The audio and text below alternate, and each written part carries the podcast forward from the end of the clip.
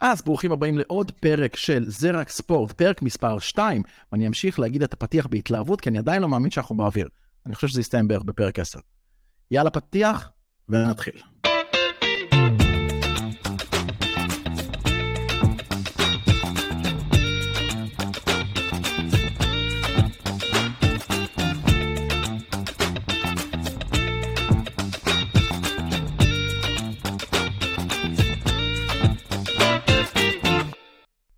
חושב שגם אני אמשיך לרקוד עם השיר, עם הג'ינגל המטומטם הזה גם כל תחילת תוכנית.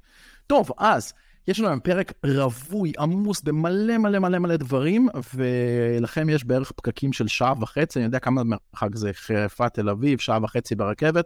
אנחנו רוצים שאיך שאתם נכנסים לפקק תעשו פליי, ואיך שתצאו מהפקק אתם תסיימו את הפרק, אז אנחנו רוצים לשמור את זה בול.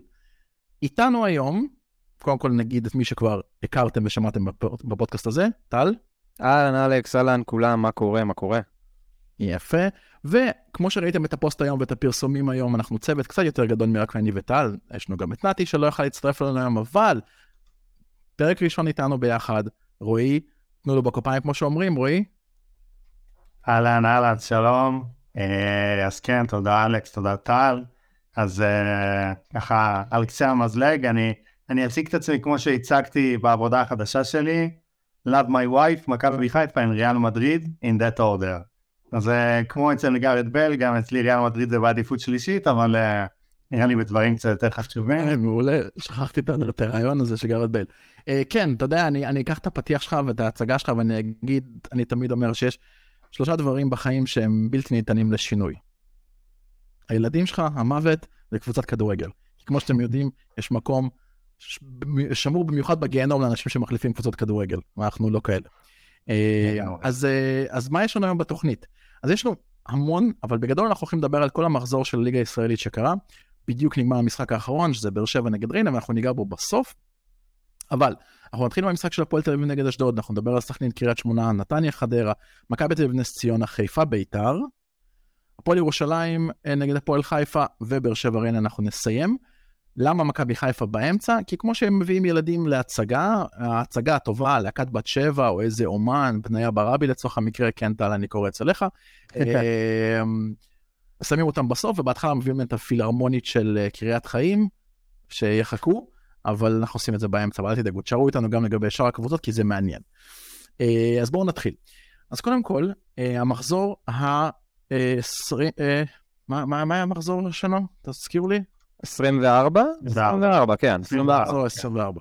אז המחזור ה-24 הסתיים לנו לטובה, מה שמשאיר לנו עוד שני מחזורים בלבד עד לפלייאוף העליון והתחתון. והתחלנו את המשחקים ביום שבת עם המשחק של הפועל תל אביב אשדוד. אז אה, למי שלא ראה, אה, הפועל תל אביב הובילה, שער של אייבינדר, או אם תרצו לקרוא לזה שער עצמי, תכף נדבר על זה. ולאחר מכן זכריה מוגיס, האחד והיחיד, שלא כבש שער מאז שהוא הגיע לישראל, עם צמד, ואני חייב לפרגן למנהלת הליגה, שעשו לו סרטון גאוני אה, היום לשער השני שלו, שבאמת מועמד לשער העונה.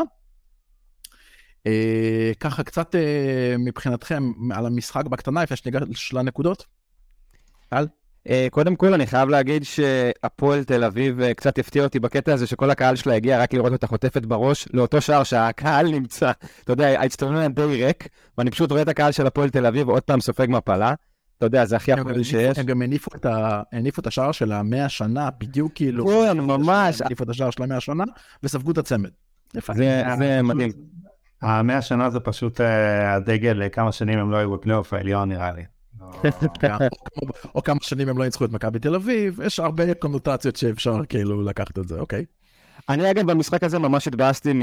עבור אייבנדר, הוא הביא נגיחה כזאת פסיכית, באמת, נגיחה, אתה יודע, מהליגה הספרדית, ובסוף זה נגמר בשער עצמי של השוער, אז כאילו... קצת מבאס אוקיי, עבורו. אוקיי. אז אז רועי, מה דעתך? קודם כל בוא נדבר שנייה על השער של אייבנדר עצמי לפי דעתך, או איך אתה רואה את זה? אה, לדעתי גול עצמי במאה אחוז, אני לא חושב שהכדור היה נכנס אם ג'רפי לא היה מושך אותו אל תוך השער. אה, אני אגב אה, חייב אבל לציין שמאוד מתבקש להגיד שלא לשים את המשחקים של הפועל תל אביב בצהריים, אלא רק בשעות שילדים כבר ישנים, אבל הפעם ספציפית הם היו, הם היו דווקא לא רעים, אבל כן, אבל הגול הזה היה אמור לתת להם את הבוסט, באמת, ולקחת אותם קדימה. אה, אבל לשאלתך, אלכס, זה שער עצמי לדעתי, ויסלח לי טל, אולי לא מסכים איתי, אבל זה שער עצמי ב-100%. ולא אני, ראיתי את הכדור אגב הולך למסגרת, כן? באמת שהוא זה היה נראה כאילו הולך למסגרת לפחות משקוף פנימה. ואגב, עוד נקודה למה שאמרת מקודם, אמרת שהם היו לא רעים. לפי מדד ה-XG, מי שלא מכיר, שערים צפויים, אה, די שוויוני, 1.61 לאשדוד ו-1.52 להפועל תל אביב, כלומר, הפועל תל אביב לא ממש התבטלה, הם הגיעו למצבים. כן.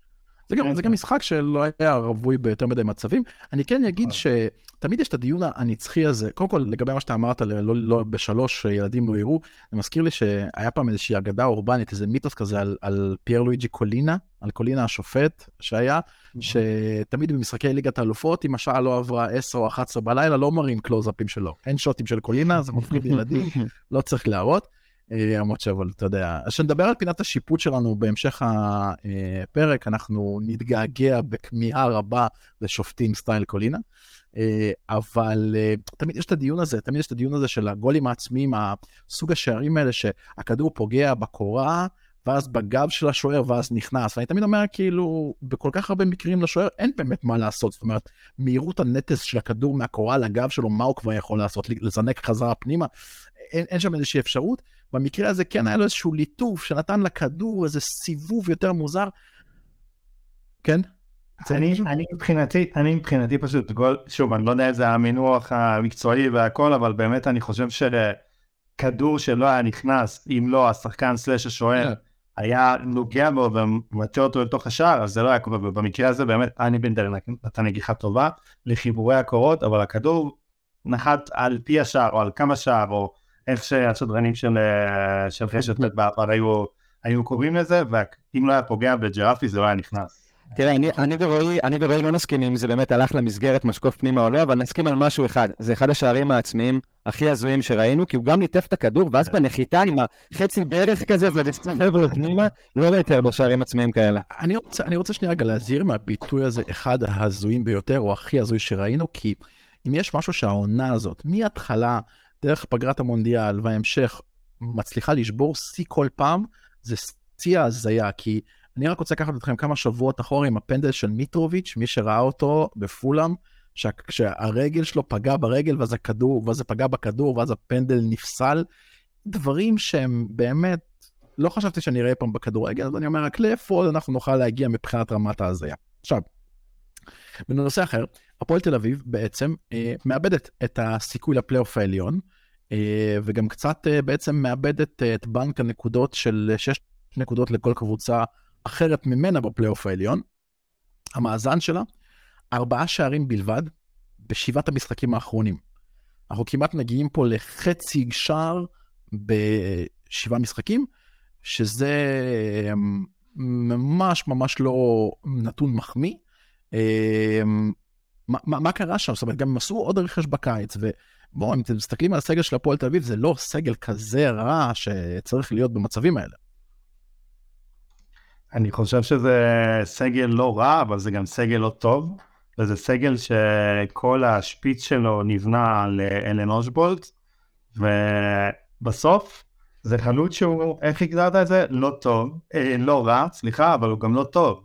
הוא חלוץ אה, בינוני ביום טופ שלו, ואני חושב שכאילו לבנות את ההתקפה של הפועל על, על שחקן כזה, אה, בסוף התוצאות, אתה, רואה את התוצאות, ארבעה שערים אה, בשבעה משחקים, נכון שהוא גם היה פצוע אה, לאיזה תקופה, אה, ואתה רואה, הגולים באים להם משחקנים כמו דן אייבנדר, זה לא, זה לא השחקנים שצריכים לתת להם את המספרים, שלומי אזולאי, הוא כמעט לא נספר, את סלליך הם שלחו, הישאם ליוס שהם בנו על הפערים וגבעות, היה פצוע הרבה זמן, דברים, נכון שגם דברים לא מתחברים להם, אבל בסוף הבנייה של הסגל, אנחנו בהמשך נגיע לקבוצות אחרות, שדווקא על פניו הבנייה של סגל טובה והתוצאות פחות, פה הבנייה של הסגל הייתה לא טובה, ואני לא חושב שעומר בוקסנבוים הלך רק בגלל אה, העניין עם המשקיעים האמריקאים, אלא באמת הוא ראה שכאילו הבנייה הייתה לא נכונה, לא מאוזנת.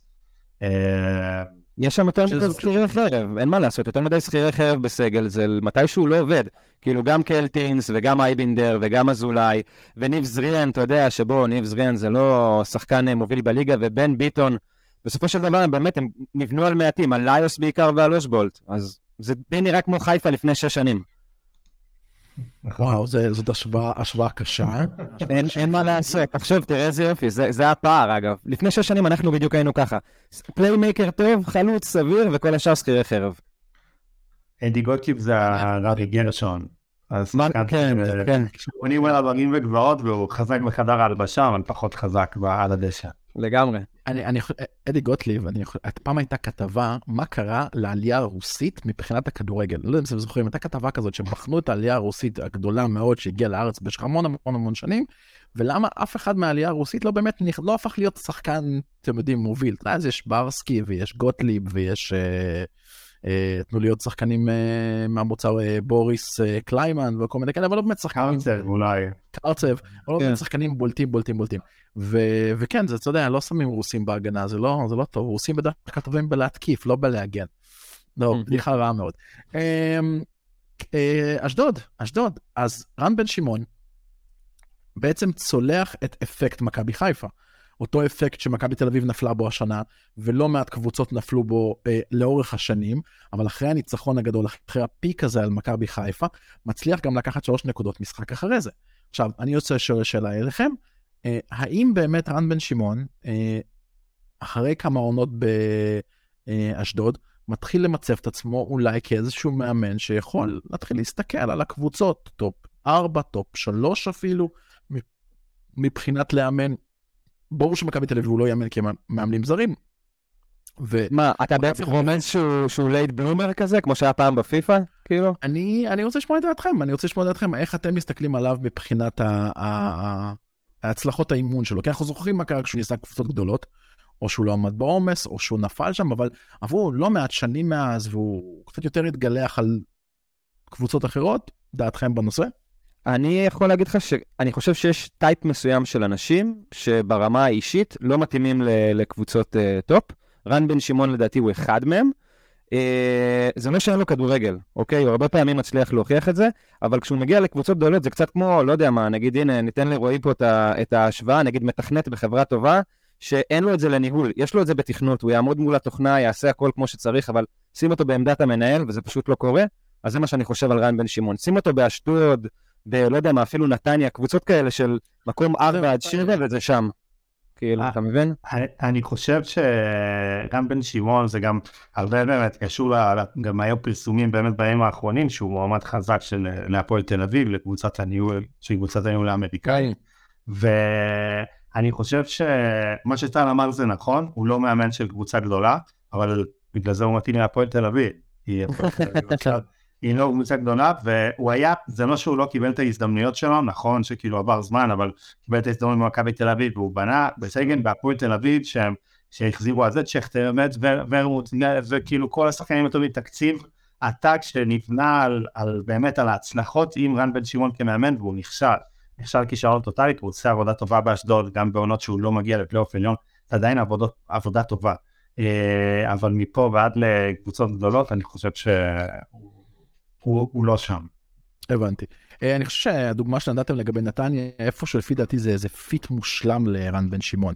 קבוצות כמו נתניה או הפועל תל אביב, בוא, עם, עם הניהול האמריקאי, שאולי הם באמת יבואו ויבנו נכון וישקיעו בצורה נכונה, הקבוצות האלה שהן תמיד קשות, שהן תמיד יעשו צרות לכל הגדולות, הן קבוצות שתמיד ישחקו למקום 4, 5, 6, תמיד פלייאוף עליון, סוג הקבוצות האלה, לפי דעתי זה באמת משהו שהוא אה, יכול להצליח בו מאוד.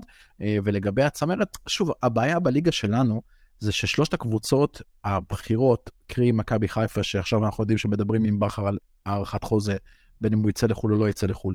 מכבי תל אביב שתמיד מעסיקה רק מאמנים זרים, ובאר שבע, שברדה די הפך שם להיות מאוד מאוד uh, ממוסמר לתוך הקבוצה, וברדה יעזוב את באר שבע כשברדה ירצה לעזוב את באר שבע, לא כשבאר שבע יעזיבו את ברדה, לפי דעתי. Uh, אז ברגע ששלושת הקבוצות האלה ירדו רגע מהפרק, כל מה שבא מלמטה זה באמת סוג של לבחור נכון בתחילת העונה, לבנות נכון ולראות שאתה לא מסתבך כאילו עם המשך העונה.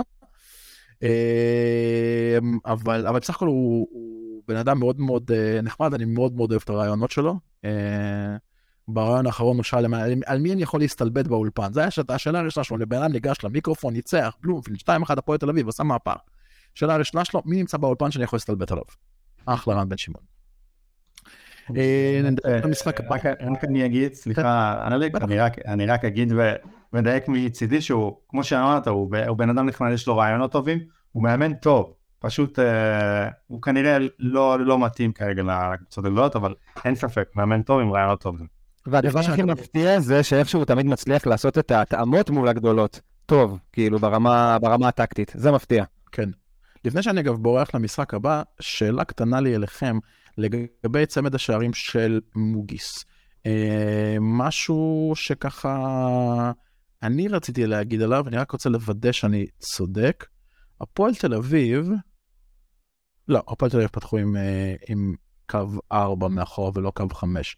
טעיתי אם זה שתי שערים על קו של שלושה בלמים, אבל uh, השער השני של מוגיס מתחרה לשער העונה, שאנחנו פשוט מתלהבים מאיזשהו ביצוע די סטנדרטי בליגה הברזילאית.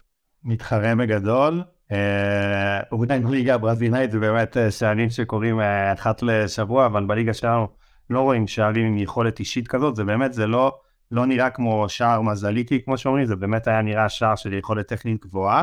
זה הזכיר לי, היה גול לפני 20 שנה, אולי יותר, שלא כן. גול מול מכבי תל אביב, שבאמת הוא הקפיד שם, ונתן שם בבולה. כן. אה, אבל באמת היה שער אחד המיוחדים שראיתי בשנים האחרונות. אצלי אגב הפלשבק... אה, כן, כן, אלכס, לך על זה. תן לי אותו. אה, אני, הפלשבק היה לי, הפלשבק היה בקטנה, נכון שהכדור נשאר באוויר, אבל יוסי בניון מול הפועל פתח תקווה, פשוט פה הכדור נגע בקרקע כל פעם, כן? יוסי בניון השאיר את הכדור באוויר. אה, די נדיר העניין הזה של... אה, זוכר, אני זוכר.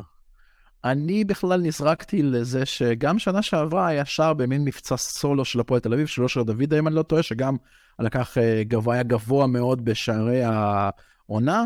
אה, ו- וזהו, מפה לשם 17 דקות על הפועל תל אביב אשדוד, די ויותר. אה, בואו נעזור למשחק הבא. אה, אז סכנין קריית שמונה, אז קודם כל, צמד של ג'וני בראבו, ומי שלא יודע מי זה ג'וני בראבו, אז לכו תראו ג'וני בראבו, ואז תעשו lineup של שחקני קריית שמונה, ותגידו מי הכי דומה לג'וני בראבו, אתם תגיעו כבר לתשובה. אבל צמד שלו, אחרי כמה משחקים שהוא לא כבש, וקריית שמונה גם בחוץ עם שלושה שערים בפחות מ-22 דקות, עם בליץ, חבל על הזמן בליץ, ומסתבר שדראפיץ' גם יודע לשחק התקפי, משהו שאנחנו כולנו ידענו, אבל מסתבר שגם הקבוצה שלו יודעת לשחק התקפי כשהוא כנראה רוצה. אמ, ו... ואז סכנין חזרה עם איזשהו שער, by כל ארבעת השערים במחצית הראשונה, אני חושב עד דקה 40, שזה ארבעה שערים בדוחה, בסכנין, במגרש הספציפי הזה, עם שתי קבוצות, סכנין וקריית שמונה, אף אחד לא היה מאמין שעד דקה 40 יובקעו ארבעה שערים. אה, משהו בקטנה שלכם לגבי המשחק הזה, כי יש לי עוד משהו בסוף שאני רוצה להגיד לגבי נושא של אה, כרטיסים, שיפוט סכנין. אה, יש לי שתי הערות מהירות. קודם כל, הקבוצה עם ה-XG הנמוך יותר ניצחה את המשחק. יש לנו את סכנין עם 2.37 וקאש עם 1.51. זה קודם כל. אה, ודבר שני, לגבי ג'וני בראבו, כשאני תמיד כשאני מסתכל על הסגל של קריית שמונה ועל הכמות שערים, אה, סתם שתדעו, כרגע הוא כבש יותר משליש מהשערים שלהם, אז בגדול אפשר להגיד שהסגל של קריית שמונה כולל את, אה, את ג'וני בראבו, את ג'וני בראבו, את ג'וני בראבו ואת ג'וני בראבו. כל השאר הם סתם, הם סתם, הם סתם קישוטים. אולי רועי קיאט ויעד חבשי הם קצת מרגשים, לא מעבר לזה. באתי להגיד רועי קיאט. כן. רועי, מה אתה מתרשמת במשחק הזה? Um, אני חושב שבין הרועי הזה שמדבר לרועי קאט, אני הרועי היותר מרגש, אז כאילו, אז תבין את המצב של רועי קאט. אבל uh, שתי נקודות ממש קטנות זה קודם כל לגבי ג'וני בראבו שלנו, לגבי... Uh, אתה אומר עכשיו אני נתקע לי ג'וני בראבו, שכחתי כבר. זה, זה, הוא ג'וני בראבו, אין, הוא ג'וני בראבו. לגמרי. ג'וני בראבו. בכל מקרה, אז uh, באמת uh, צמד, והוא חוזר לעצמו uh, בשבועות האחרונים, אחרי כמה שבועות שדיברו עליו הרבה כ- כרכש שיהיה הבולט של, של ינואר, והוא באמת כן. כאילו, הוא חוזר לעצמו. ולגבי סכנין, דיברנו על קבוצות ש... שמאכזבות למרות סגל טוב, אז היא אחת מהשתיים, אני חושב שהסגל שכולל בירם כיאל וגיא מלמד ודור חוגי, אה, באמת זה, זה שחקנים ש... שיכולים למצוא את עצמם כמעט בכל קבוצה בליגה, וסכנין מאכזבת בגדול. אגב, אני, אני מפנה שאלה לשניכם. בירם קיאל וג'וני בראבו, איתמר שבירו, כן? הם, יש להם מקום בקבוצות top שלוש בארץ? יפה, זה בדיוק הנקודה שרציתי לדבר עליה, כי באמת שבירו, מצד אחד הוא נראה כמו רכש פוטנציאל לכל קבוצה, הוא נראה כמו כאילו שהוא תפור על באר שבע, ובאיזושהי קונסטלציה, נגיד אם אין דין דוד, הוא גם קצת תפור על מכבי חיפה. מכבי תל אביב אני לא כל כך יודע איך הוא יכול להשתלב שם ספציפית עם סוג המשחק שלהם וסוג השחקנים שמשחקים שם בחלק הקדמי, אבל אני כן רוצה להגיד משהו, כל דבר פחות או יותר שיוצא מגבול, שנוצץ בקריית שמונה ואז יוצא מהאזור הצפוני הזה בארץ, בדרך כלל נראה הרבה פחות טוב כשהוא אה, יורד טיפה דרומה, משהו באוויר שם, זאת אומרת, אני יכול לתת דוגמאות אין סוף, אה, אורי דהן ונחמיאס, אה, רועי כהן, אה, גבאי, קהת, יש ים דוגמאות של שחקנים שבקריית שמונה נראים כמו באמת עד הרכש הבא, ואז משהו, כאילו כנראה אזור צומת כברי, זהו, עד לפה. אבל איתמר שבירו, אה, הוא הגיע מהפועל באר שבע לקריית שמונה, אה, אני לא חושב שהוא יחזור לשם, אה, אני לא חושב גם שהוא מתאים למכבי חיפה, אני כן חושב, ולדעתי זה גם אם הוא ימשיך בקצב כיבושים הזה, אני חושב שימצא את עצמו במכבי תל אביב בקיץ, היה דיבור חזק מאוד שהוא הולך לשם כחלוץ השלישי בהיררכיה, אחרי זהבי ויובנוביץ', בטח בשיטה של, ה, של השני חלוצים, ש... עכשיו עם קרנקה, אתה יודע, יכולים לשנות, אבל באמת אה, לפני זה אה, השיטה הזאת של איביץ' הייתה קבועה ורצו אותו כחלוץ המחליף. כדאי לו, כדאי לו בכלל? אה, לדעתי להיות חלוץ שלישי אחרי זהבי ויובנוביץ' הרבה יותר עדיף מאשר להיות חלוץ ראשון של קריית שמונה ונאבק כאן ירידת ליגה, הוא יכול למצוא את עצמו, יכול למצוא את עצמו משחק שם לא מעט. וואלה, אוקיי. אמ, טל, משהו שאתה רוצה לגבי שבירו, או שאני רוצה... לא, האמת שאני די עם רועי בעניין הזה. באמת עדיף להיות חלוץ שלישי ככה במכבי תל אביב מאשר בקבוצה אחרת. למרות שלדעתי איפשהו, אם הוא יהיה חלוץ שלישי שם, הוא יסיים או בהפועל תל אביב המתפתחת או במכבי נתניה. מין אה, כן. תחושה שלי. שזה לא, לא פחות טוב מקריית לא שמונה. לא בכלל. אה, כן, כן, לגמרי. שזה בדיוק המשחק הבא שאנחנו נדבר על זה נתניה, ויש שם סגל צעיר לא רע בכלל, שככה מעניין אותי לשים עליהם קצת זרקור. אה, נקודה על סכנין, אז כמו שדיברנו לגבי הפועל תל אביב שלא נבנתה טוב, סכנין נבנתה טוב, זאת אומרת סכנין נבנתה נכון, נבנתה על היסודות הנכונים, נבנתה, מה, נבנתה מהקישור האחורי, למגנים שהם לא רעים, גם טלב שם וכאלה דברים, ובאמת מבחינתם זה אכזבה לא להיות בפלייאוף העליון. מבחינתי זאת שמחה עילאית לא להגיע למגרש הזה פעמיים. ופעם אחת, סליחה, פעם אחת, כי זה פשוט זה פשוט נוראי. אה, מי שיצא לו לבקר במגרש בסכנין, הכל, המגרש, הדרך לשם, זה פשוט, זה סיוט. זה, זה מאוד עצוב לאוהד כדורגל להגיע למגרש כזה, אני מאוד שמח לא להגיע לשם יותר. אבל נקודה אחת שאני רוצה להגיד לכם, וזה איזשהו, איזשהו פריוויו לנקודה שאנחנו נדבר עליה בסוף, וזה הנושא של האדום של ליאב גנאים. עכשיו, האדום בסופו של דבר היה בצהוב שני. מישהו ראה את הצהוב הראשון? לא, אני ראיתי רק את הצהוב השני. הצהוב הראשון שצריך להיות אדום בעצם. זה צריך להיות אדום, ואני אומר, בליגות קשוחות, קשוחות, כמו אנגליה, כמו איטליה, לפי דעתי, זה גם איזושהי הרחקה לכמה משחקים, כי היה שם מרפק ישיר, עם כל האימפקט לתוך הראש של השחקן, ורמה של כאילו שניר לוי, צהוב, וזה הזוי. וזה מאוד מאוד מאוד uh, מתחבר לי לכל מיני החלטות אחרות על um, קוראים לזה נגיד בספורט האמריקאי, קוראים לזה roughness, אה, על הקשיחות במשחק, האדום של ביתר, הרגל שסונגרן לאספרי, הדברים כאלה, אם מדברים על קשיחות וחוסר אחידות, זה המקום שצריך לשים עליו את הזרקור, וזה הזוי, הזוי הזוי איך, איך זה יסתיים רק בצהוב. אה, בסופו של דבר זה נגמר באדום. האם קאש תישאר? זאת שאלת ה... שנתן לסיים את המשחק הזה. אני חושב שכן.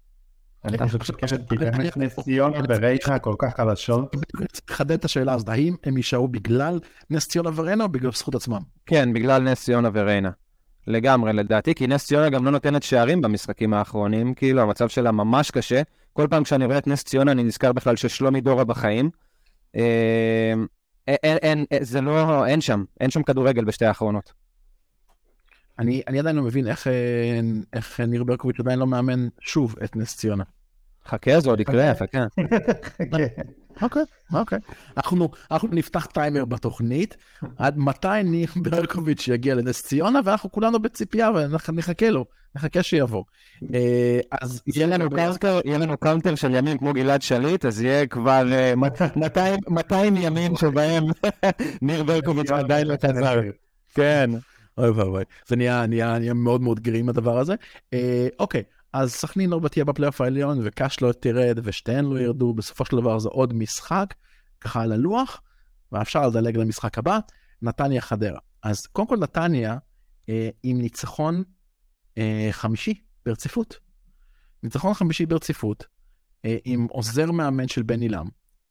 ומעבר לזה, נתניה עם קבוצה עם המון המון צעירים סופר מעניינים, הביאו את אוזבילו מאשדוד, אמיר ברקוביץ', שקראתי עליו קצת שהיה לו קצת כל מיני חוויות בחו"ל, ואז הוא חזר לפה. אה, סלמן שהגיע מהפועל אה, ירושלים, נכון? כן. כן.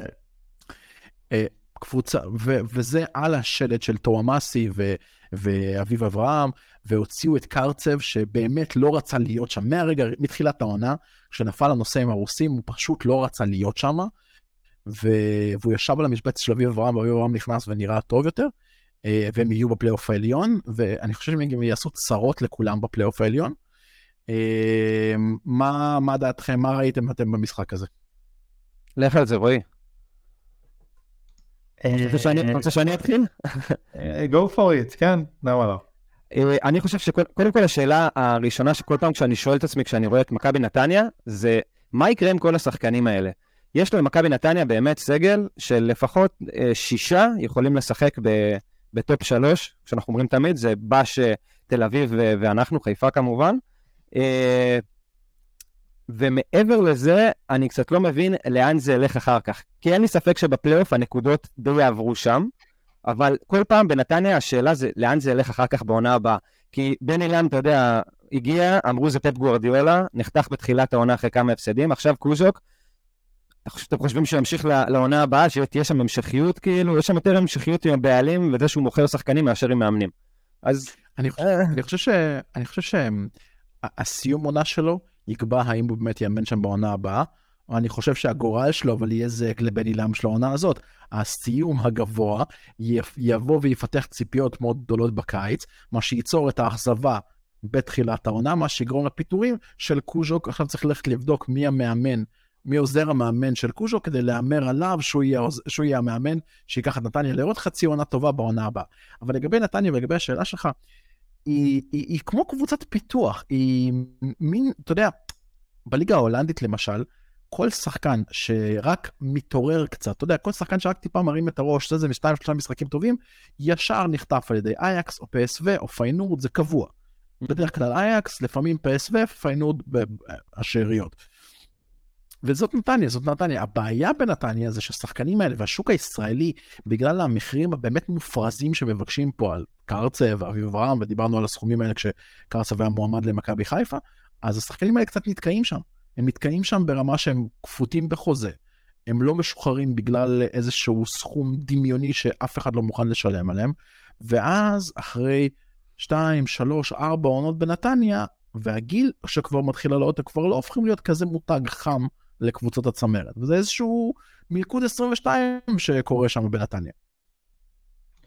אמ, תראה, אני, אני אגיד לך דבר כזה, אני, אני אתן לך דברה כזאת. בוא נגיד, חשבת פעם שעדן קרצב יעלה 2-2.5 מיליון יורו, אלכס? כן, כן. אני גם יש, כן. כן, אני, אוקיי. נקודה מאוד מאוד ספציפית, אבל היה לו כמה משחקים במכבי תל אביב, שהוא באמת נראה כמו אותו צעיר שאתה יודע, מתחיל להראות סימנים של דור פרץ, וגם דור פרץ יצא מהקבוצה באותו זמן, והוא כאילו קיבל את המקום בהרכב. היה איזשהו, איזושהי תחושה שזה כאילו ההיצע הבא של מכבי תל אביב. אני יכול להגיד לך, רועי, ששידרתי משחקי נוער שלו, עוד כשהייתי בוואן, גילוי נאות, הייתי תקופה בוואן, וזה היה נראה כמו שחקן בוגרים נגד נוער. הוא פשוט היה ברמה אחרת כבר אז. אין בעיה, אבל, אה, אבל שוב, אני חושב ששתיים וחצי מיליון יורו אה, לשחקן כזה זה, זה סכום מוגזם, שזה מה, ש, מה שאלכס הדגיש, שבאמת הסכומים הם באמת באמת גדולים, לא רק במכבי נתניה, כל קבוצה, כאילו אשדוד ומכבי פתח תקווה שהיה וכל קבוצה כזאת, אז באמת מה שרציתי לשאול זה, אם אתם חושבים שאלן קרצב שווה 2.5 מיליון יורו, האמת שציפיתי שתגידו לי לא, ואז אני אשאל אתכם, האם ציפיתם פעם לשלם על שווארמה 75 שקל? אני חושב שגם לא, אבל זה מה שקורה היום, וכל המחירים רק מאמירים כלפי מעלה, בטח בשוק של השחקנים, גם בחו"ל וגם בארץ, אלה הסכומים שבסוף הגדולות יצטרכו להתמודד ולהוציא בשביל להביא שחקנים ש... שהם בסוף כנראה לא שווים את המחיר שלהם, אבל כמעט כל מה שאנחנו מקבלים היום במדינה לא שווה את המחיר שלה. אז כאילו, אני חושב שגם מבחינת שחקני כדורגל, אה, אני, הקבוצות יצטרכו להתרגל, קבוצות כמו מכבי נתניה, עם כל הכבוד לה, להיסטוריה שלה ולאוהדים שלה, זו קבוצה, כן אלכס, זו קבוצה של יותר של פיתוח שחקנים, מדי פעם כן. יצא לה איזה הבלחה לליגה האירופית, או לליגה, לקונפרנס ליג יותר נכון, או אפילו גמר או, או שחייה אה, בגביע המדינה, אבל, אבל זה שחקנים שהם יפתחו שחקנים, אה, קבוצה סליחה, שיפתחו שחקנים, יוציאו שחקנים לארץ, לחו"ל, וזהו, אליפות כנראה הם לא ייקחו בשנים הקרובות, לא, לא יהיו פה חלק מהגדולות באמת. אה, וכן, אבל, אבל אתה יודע, כמו שאמרת, יש הרבה שחקנים צעירים מעניינים, שחלקם המשיכו הלאה. אני באופן אישי, אלאורס בינו, חשבתי לפני שנתיים שהוא יהיה האקזיט הבא של ג'קי, שהוא היה באשדוד. חודשיים, הייתי בטוח שכאילו אלונה תקנה אותו, כמו שהיא אוהבת לקנות הרבה דברים במחיר מופקע כן, זה, זה רכש קלאסי לבאר שבע. ו... ובאמת, כאילו, אני חושב שהוא הראה, הוא במשחק אה, שהיה, הוא הראה כמה ניצוצות, היה, היה מהלך אחד אה, שטאורמאסי לקח לו שם, בעט, אה, בעט את זה ונפקוביץ' הדף, או הלך החוצה, אבל, אבל כאילו, כן, כן, כן. כאילו, סיקסוב הוא, הוא שחקן מדהים, שחקן טוב מאוד, אתה יודע מה, לא כן. מדהים, אבל שחקן טוב. אני חושב ש... אני חושב שבילו, לפחות ממה שאני קראתי, בעיקר הבעיה היא למעלה, בראש. אה, פחות ברגליים, כי הוא שחקן סופר מוכשר, אני זוכר אותו אפילו בנוער, משחק נגד מכבי חיפה בנוער ונראה מצוין. אני חושב שהבעיה שם היא בראש, או לפחות ממה שאני קורא. אה, וזה, אתה צודק במאה אחוז, זה רכש קלאסי של אלונה לבאר שבע, מאשדוד לבאר שבע, קשר ג'קי את אלונה, זה רכש קלאסי, זה אותו מיכאל אוחנה ועוד כל מיני סוגים של רכישות שראינו בין שתי הקבוצות האלה, קלאסי קלאסי. אה, דבר אחרון לגבי המשחק הזה, חדרה. האם חדרה אה, מסתבכת? האם חדרה מתחילה קצת להסתכל בלחץ? אני יוצא עכשיו מנקודת הנחה שאני שואל את זה, ואתם אמרתם שקאש לא תרד, בגלל ריינה ונס ציונה, אז גם חדרה כנראה לא תרד, אבל האם היא באמת נשאבת לתוך המאבק הזה, או שפלייאוף תחתון ניצחון שתיים והם כאילו די סיימו את העונה? הלב כל כך רוצה שהם יסתבכו, אבל זה לא יקרה, מלכת התיקואים, והיא פשוט לא תרד, כאילו זה, זה... היא לא משחקת בשביל לנצח, היא משחקת בשביל להישאר בליגה. הפועל חיפה לתת לה fight. הפועל חיפה לתת לה fight כי לשתי הקבוצות 11 תוצאות תיקו. לדעתי חדרה שומרת את העונת ירידה שלה לעוד שנה או שנתיים, שיהיה לה איצטדיון חדש, ויש כאילו איזה קטע כזה שכל מי שיש לה איצטדיון חדש פתאום יורדת ליגה, אז נראה לי שהיא תישאר איתנו עוד, אה, עוד קצת. יפה, כמו, כמו איזשהו pod אחר שאומר, זה כתוב במדעים, במדעים של ה... במדעי הספורט זה כתוב ש... אני מפרגן. Uh, מצוין. Um, משהו קטן, זה תגיד לי, רועי, אם יש לך לגבי החלוץ שלהם, של החדש של נתניה, אדון בילנקי? Uh, כן, אז הוא הגיע מדינמו טיביליסי, הוא כרגע בהשנה. Uh, יש אופציה לרכישה ולחוזה לשלוש שעות נוספות. Uh, יש לו מספרים טובים, יש לו מספרים טובים. בשנה האחרונה הוא שיחק שם כמעט 30 משחקים, שיחק שם 28 משחקים, כבש עשרה שערים, בישל שישה. אה, יש לו אפילו אה, שער ו... שער, לא שער ובישול, שער בקונפרנס, במוקדמות הקונפרנס, עם דינאמו טביליסי. אה, פוטנציאל לשחקן טוב, ואני חושב שנתניה הביאו אותו כי הם היו במשא ומתן גם על זלטנוביץ'. זלטנוביץ', כן. למכור אותו, אני לדעתי זלטנוביץ' נשאר בסוף, אני לא... כן, כן, כן, זה לא עוד שמה.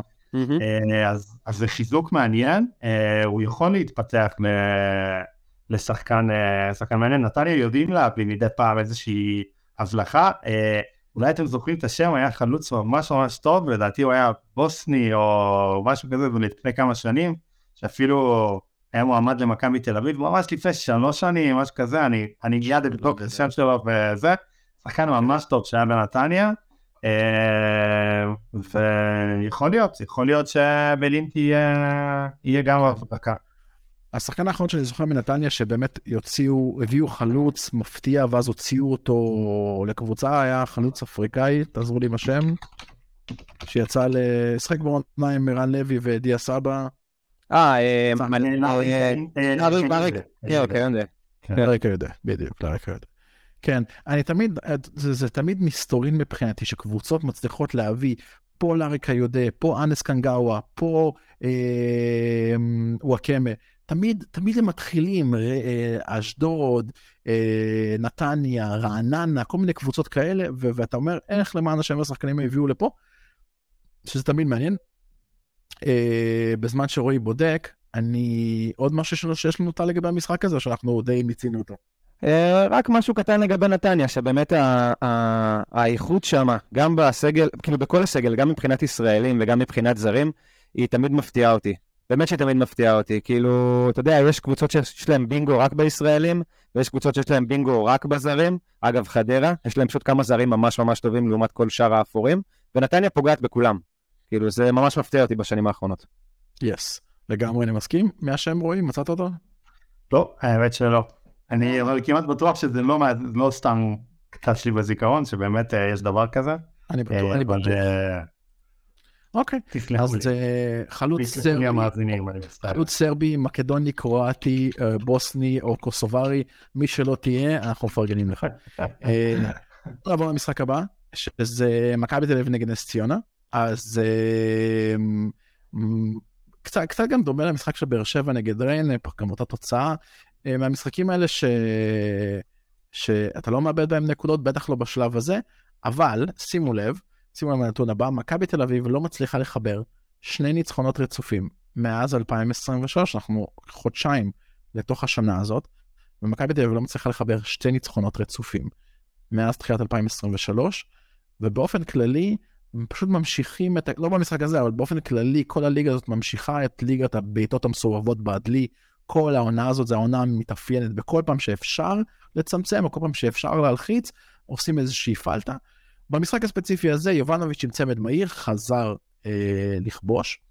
אה, ואני רוצה להציג לכם איזושהי, איזושהי סוגיה. קרנקה אמר שהשחקן החשוב ביותר שלו זה דן גלאזר.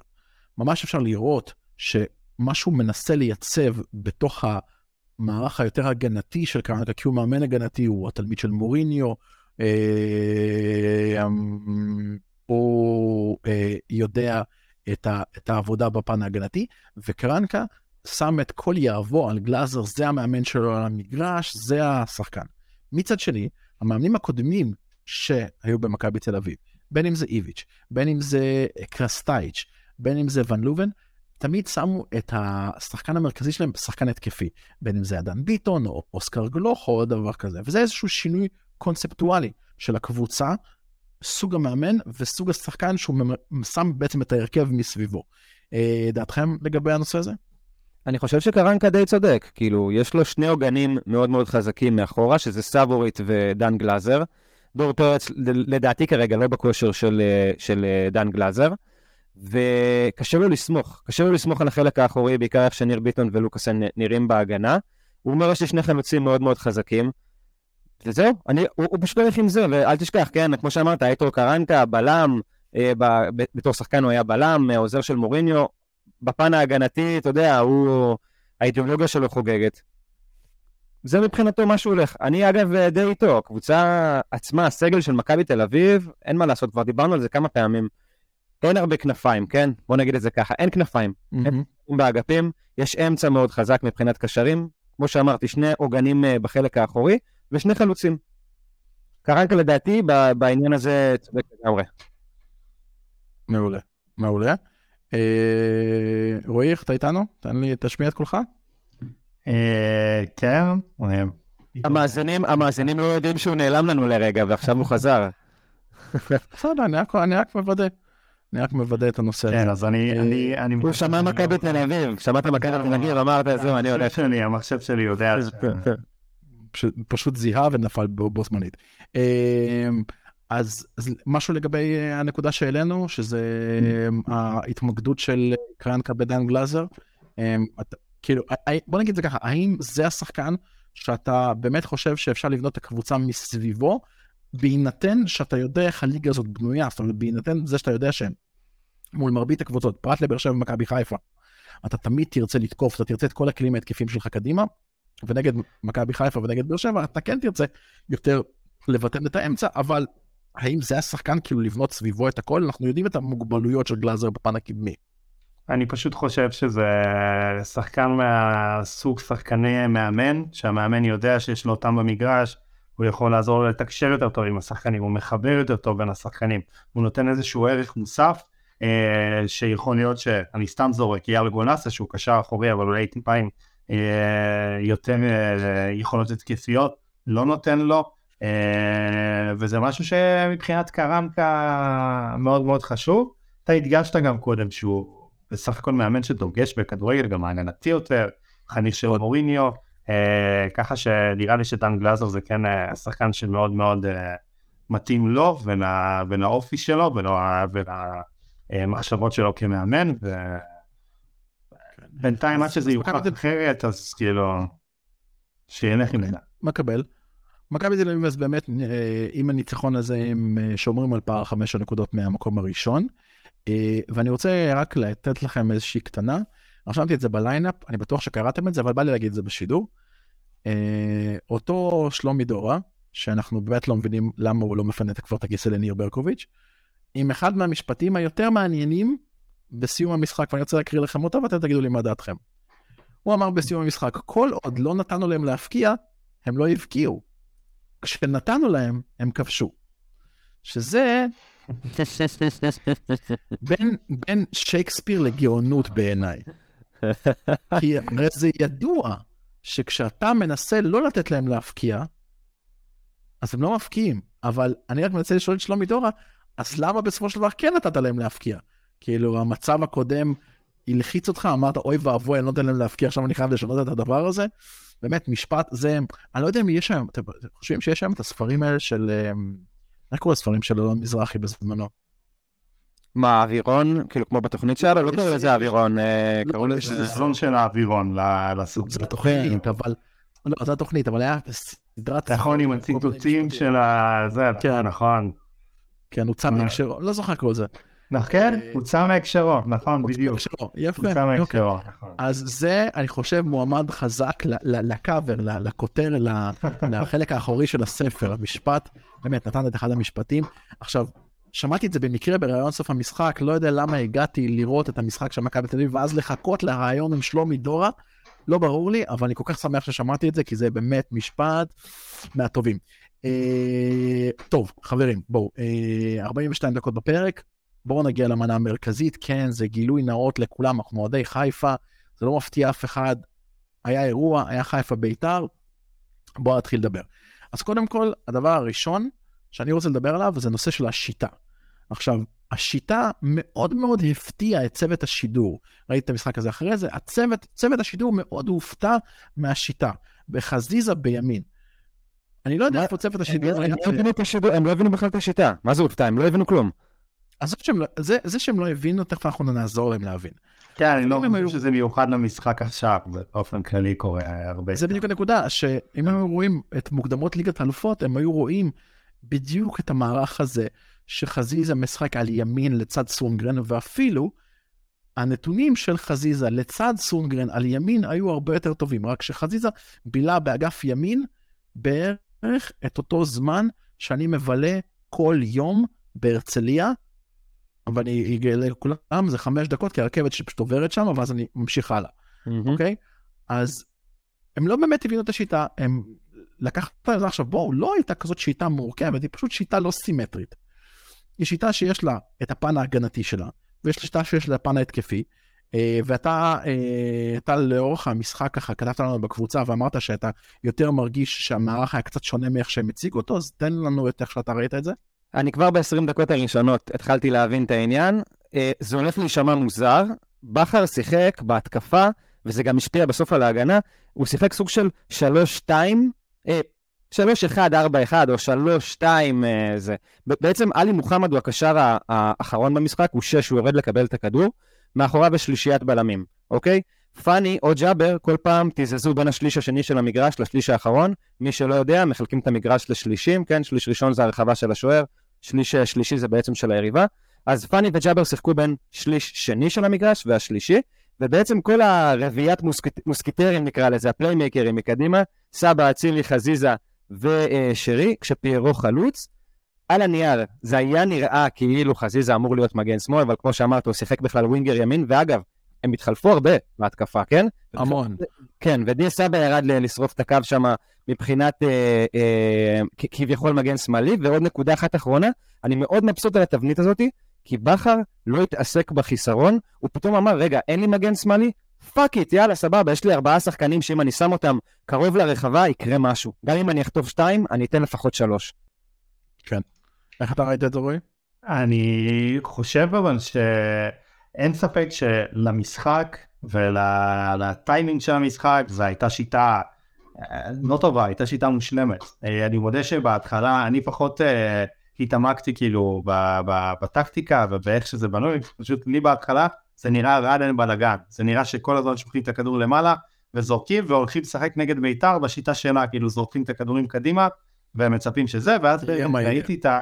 כן, ואז באמת ראיתי איך השחקנים מסודנים ואיך הם חוזרים לעמדות ואיך הם מתחלפים בעמדות, שמעתי וואלה, זו שיטה מדהימה, אבל היא טובה למשחקים מאוד מאוד ספציפיים, בית"ר ירושלים, מכבי נתניה, קבוצות שגם אם הן רוצות לעשות הגנה, הן לא באמת יודעות לעשות הגנה, אני לא בטוח שאם זאת תהיה השיטה מול חדרה, או לא יודע, כל קבוצה אחרת עם אותה, בוא נגיד חדרה של קוד, כן. כן, שזה יעבוד, אבל אה, אין מה לכבות, אלא רק אה, להדליק, וכאילו אין ספק ש, שהשיטה עבדה. היה באמת כאילו טקטיקה מעולה של בכר והצוות המקצועי וביצוע גם. תחשוב, תחשוב על זה שזו שיטה אידיאולוגית שמשאירה לך חמישה מאחורה וחמישה מקדימה תמיד, שרק הקשר, רק בעצם פאני או ג'אבר רצים ומשחקים בין שני אלה כדי להעמיס להצטרפות מקו שני. זה, זה די גאוני כדי למנוע מתפרצות, זה לא טוב נגד קבוצות עם אגפים חזקים. יפה. אז אנחנו דיברנו בפרק הקודם, בדיוק דיברנו על כמה דברים האלה. דיברנו על המערך, דיברנו על שילוב סבא פיירו שאתה מדבר עליו, דיברנו על נושא שאתה כן רוצה לכפות את השיטה שלך על היריבה, אבל לא לנצל מיסמצ'ים מאוד מאוד ברורים שיש לביתר, בעיקר בחלק ההגנתי שלה, זה שטות. ודיברנו גם על עוד דבר אחד, שזה לדחוק כמה שיותר קרוב את ביתר לאזור שלה. דיברנו, הזכרנו את הנושא של המשחק של אחד מהמשחקים של באר שבע עם ג'וסווה נגד מכבי חיפה בסמי עופר, שממש דחקו אותו לאזור קו ה-20, קו ה-30, נשים אותו הכי לא אפקטיבי שאפשר. אה, ואנחנו דיברנו על הנושא הזה, ועוד נושא שאנחנו דיברנו עליו, ואני קראתי לזה לעצבן את העצבניים, ואין ספק שבמשחק הזה היה ממש מטרה. קצת להוציא את בית"ר מתוך איזשהו, איזושהי שלווה מסוימת, וזה היה מאוד מאוד קל. זה היה קל מאוד אה, אתם יודעים, לשים את האצבע ליד העין שלכם ולהגיד לא נוגע בך, אל תיגע בי, קלאסי בשביל לגרום להם להתעצבן.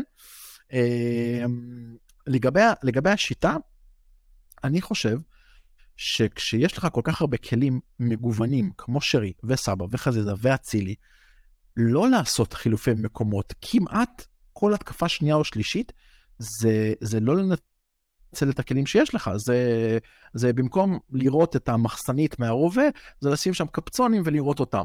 השחקנים האלה יודעים לשחק על כל קו, תשגע את ההגנה, תחליף צדדים, תעשה את כל הדברים האלה. כשאנחנו רואים את זה יותר במכבי חיפה, מכבי חיפה רצה, ואפרופו אתה אמרת רועי, שזה יתאים לקבוצות סטייל נתניה, והנה אנחנו הולכים מחר לפגוש את, או מי ששומע את זה היום אז היום, אה, לפגוש את נתניה, ואני תוהה אם אותה שיטה יכולה לעבוד שם, אבל איזשהו שילוב או איזשהו, איזשהו ספין אוף של השיטה הזאת יכול אה, להיות רלוונטי שם. אני חושב שכמובן שיהיו התאמות רלוונטיות, כי גם בסך הכל היה משחק לפני שלושה ימים, וכאילו עוד פעם היום זה יומיים, אבל במיור של המשחק זה שלושה ימים, שחקנים רצו הרבה, הם כיסו המון המון שטחים.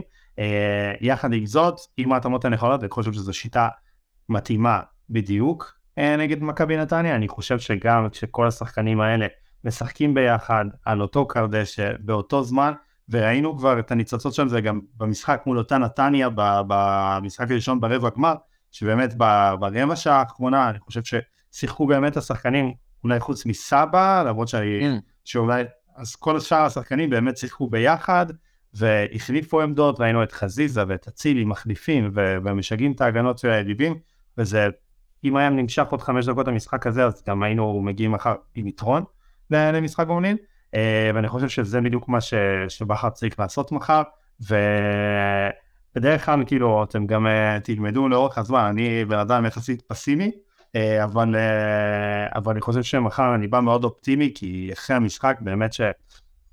מכבי חיפה הרשימה אותי מאוד מאוד, ו- והטקטיקה הזאת עובדת והיא תעבוד, והיא צריכה לעבוד מול קבוצות כאלה. יפה. אז אה, טל, אני אתן לך את אה, מלוא הכבוד, בגלל שאתה דיברת על זה בפרק הקודם. תן לי את אה, פירו. אני יודע שדיברת על זה, אני יודע שהנושא הזה יושב לך טוב על הלב, אז תן לנו את זה. הנה, מה אמרתי לך, אתה נותן לו כדור, הוא כובש, וגם זה לא היה כדור קל, זה הגיע לא לרגל הנכונה, הקפיץ, שם את הגול, אתה מסתכל על הפנים שלו ואתה רואה את האושר. אני חושב שנפתח לו טיפה, אני עדיין לא רוצה, אתה יודע, עכשיו יבואו אנשים יגידו, הנה אמרת, הוא חלוץ וזה, ותראו, הוא לא כובש, כשעכשיו הוא לא יכבוש.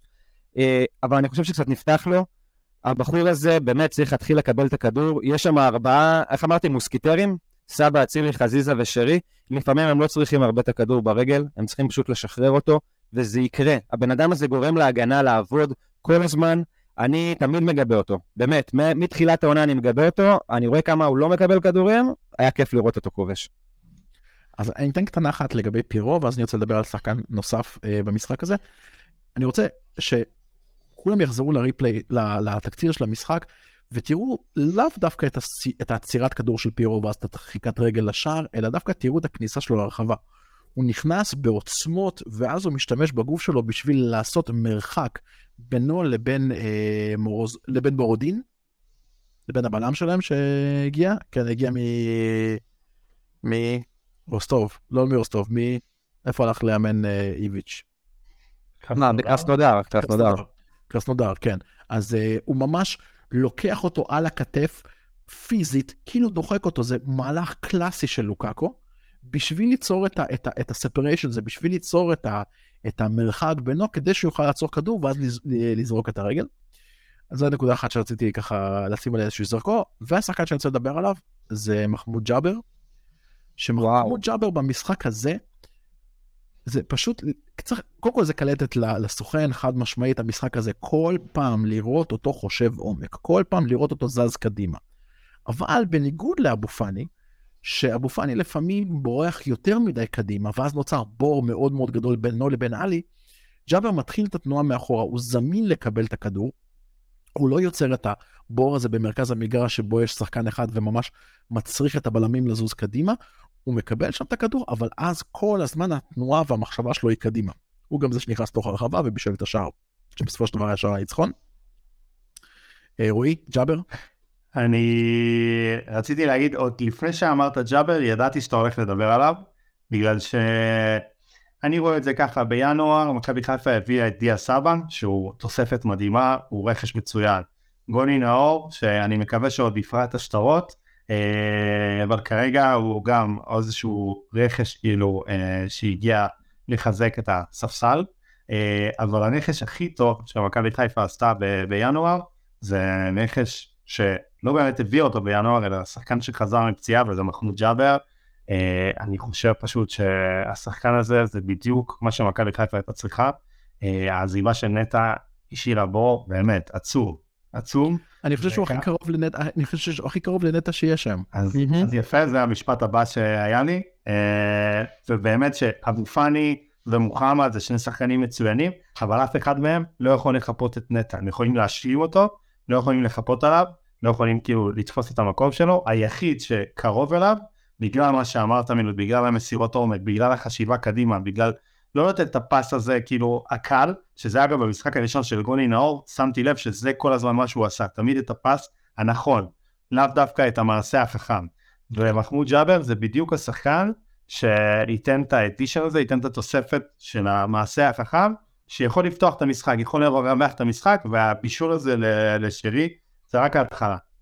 אז טל, אני אקשה עליך, ואני אשאל אותך, האם לפי דעתך, במשחקים מאוד מאוד ספציפיים בפלייאוף העליון, אתה רואה, או, או לפי דעתך זה יכול להיות מצב, או, או אופציה טובה, לעלות עם שלושתם ביחד, עם עלי מוחמד, פאני וג'אבר, כאיזושהי שלישיית אמצע, למשחקים מאוד ספציפיים. חד משמעית, הייתי אומר אפילו אולי בטופ שלוש, או בש או תל אביב, תלוי איך הן מגיעות, מה, מה מצבת פצועים שלהם. כי ג'אבר הוא שחקן מאוד מאוד מיוחד. בעיקר כי הוא מאוד מאוד טבעי ברמה הזאת של 50-50. הוא יודע לרדוף אחרי השחקנים שהוא צריך לשמור עליהם, יש לו איכויות שמירה נהדרות. אתה יודע, הוא לא מפסיק לרוץ. אה, מה שנקרא במנג'ר, אה, determination ו-work rate, גבוה, אתה יודע, בשמיים.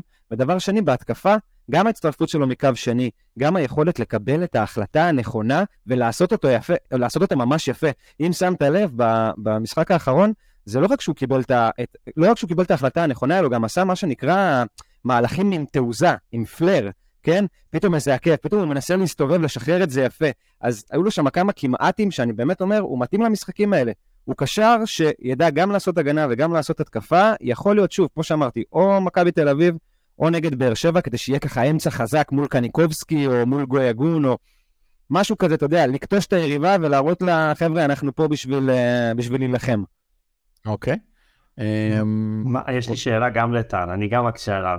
לך על זה. במשחקים כאלה שאתה הולך על שלושתם באמצע, אבל מה אתה עושה עם שרי?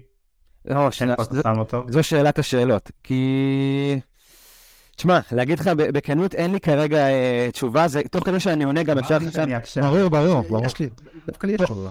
תוך כדי ששאלת כבר, אה, כבר התחלתי להריץ את הסצנריו בראש של מתי שרי נכנס, האם הוא נכנס מחצית שנייה או האם הוא פותח.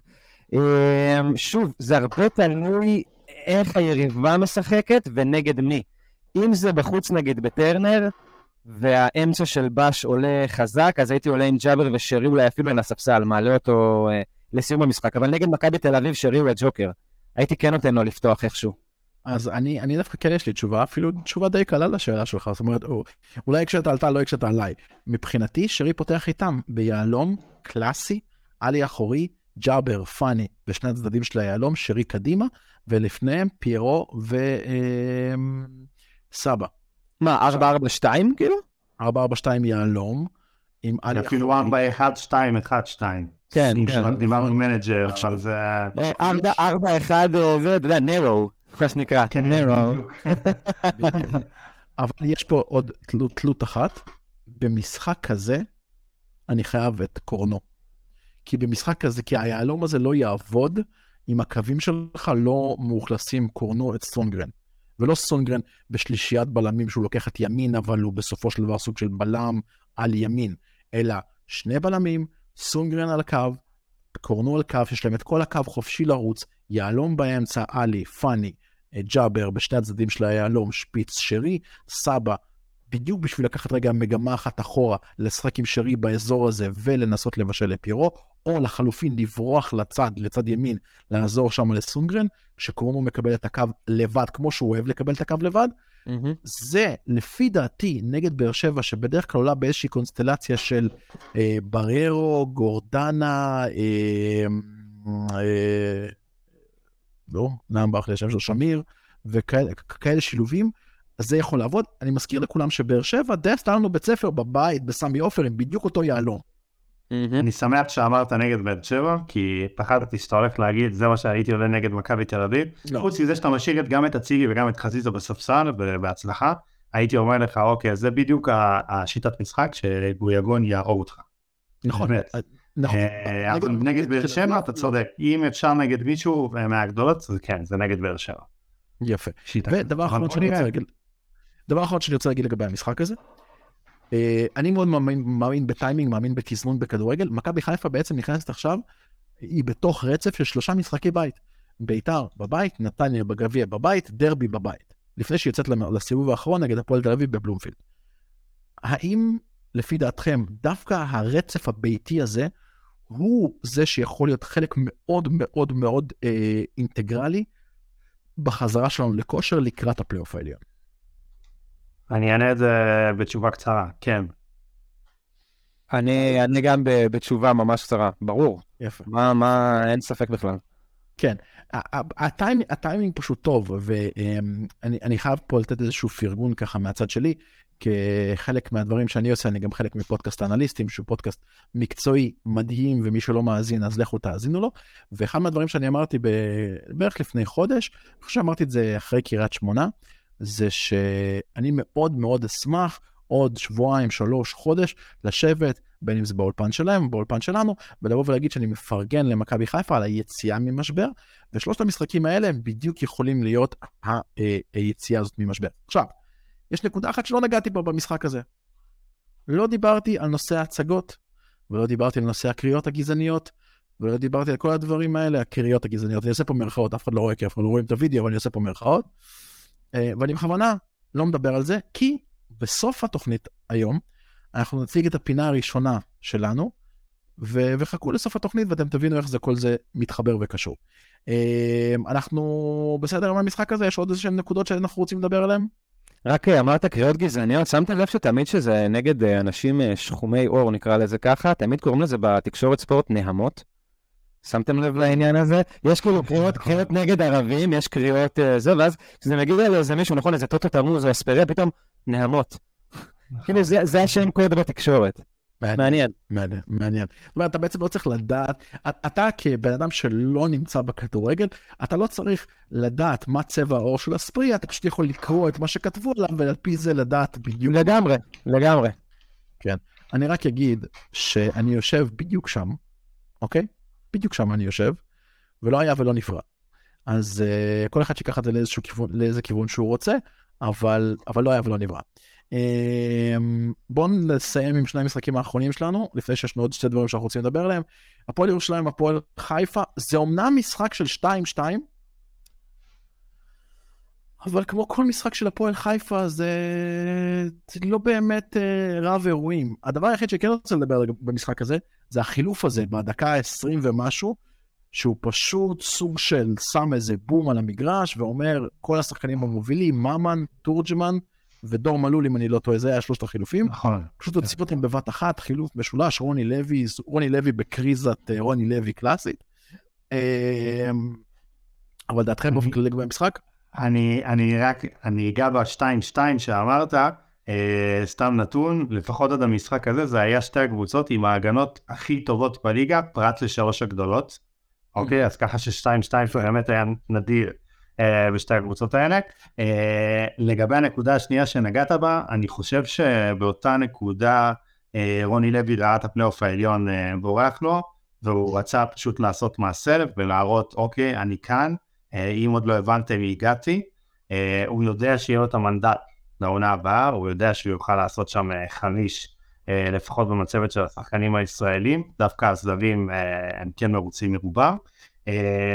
אבל חייב להגיד שכאילו, אז ממן, תורג'מן ומלול יצאו, זה יכול להיות כל אחד משאר השחקנים, הפועל חיפה באמת עד אותה, עד אותה דקה לא הגיע בכלל למשחק.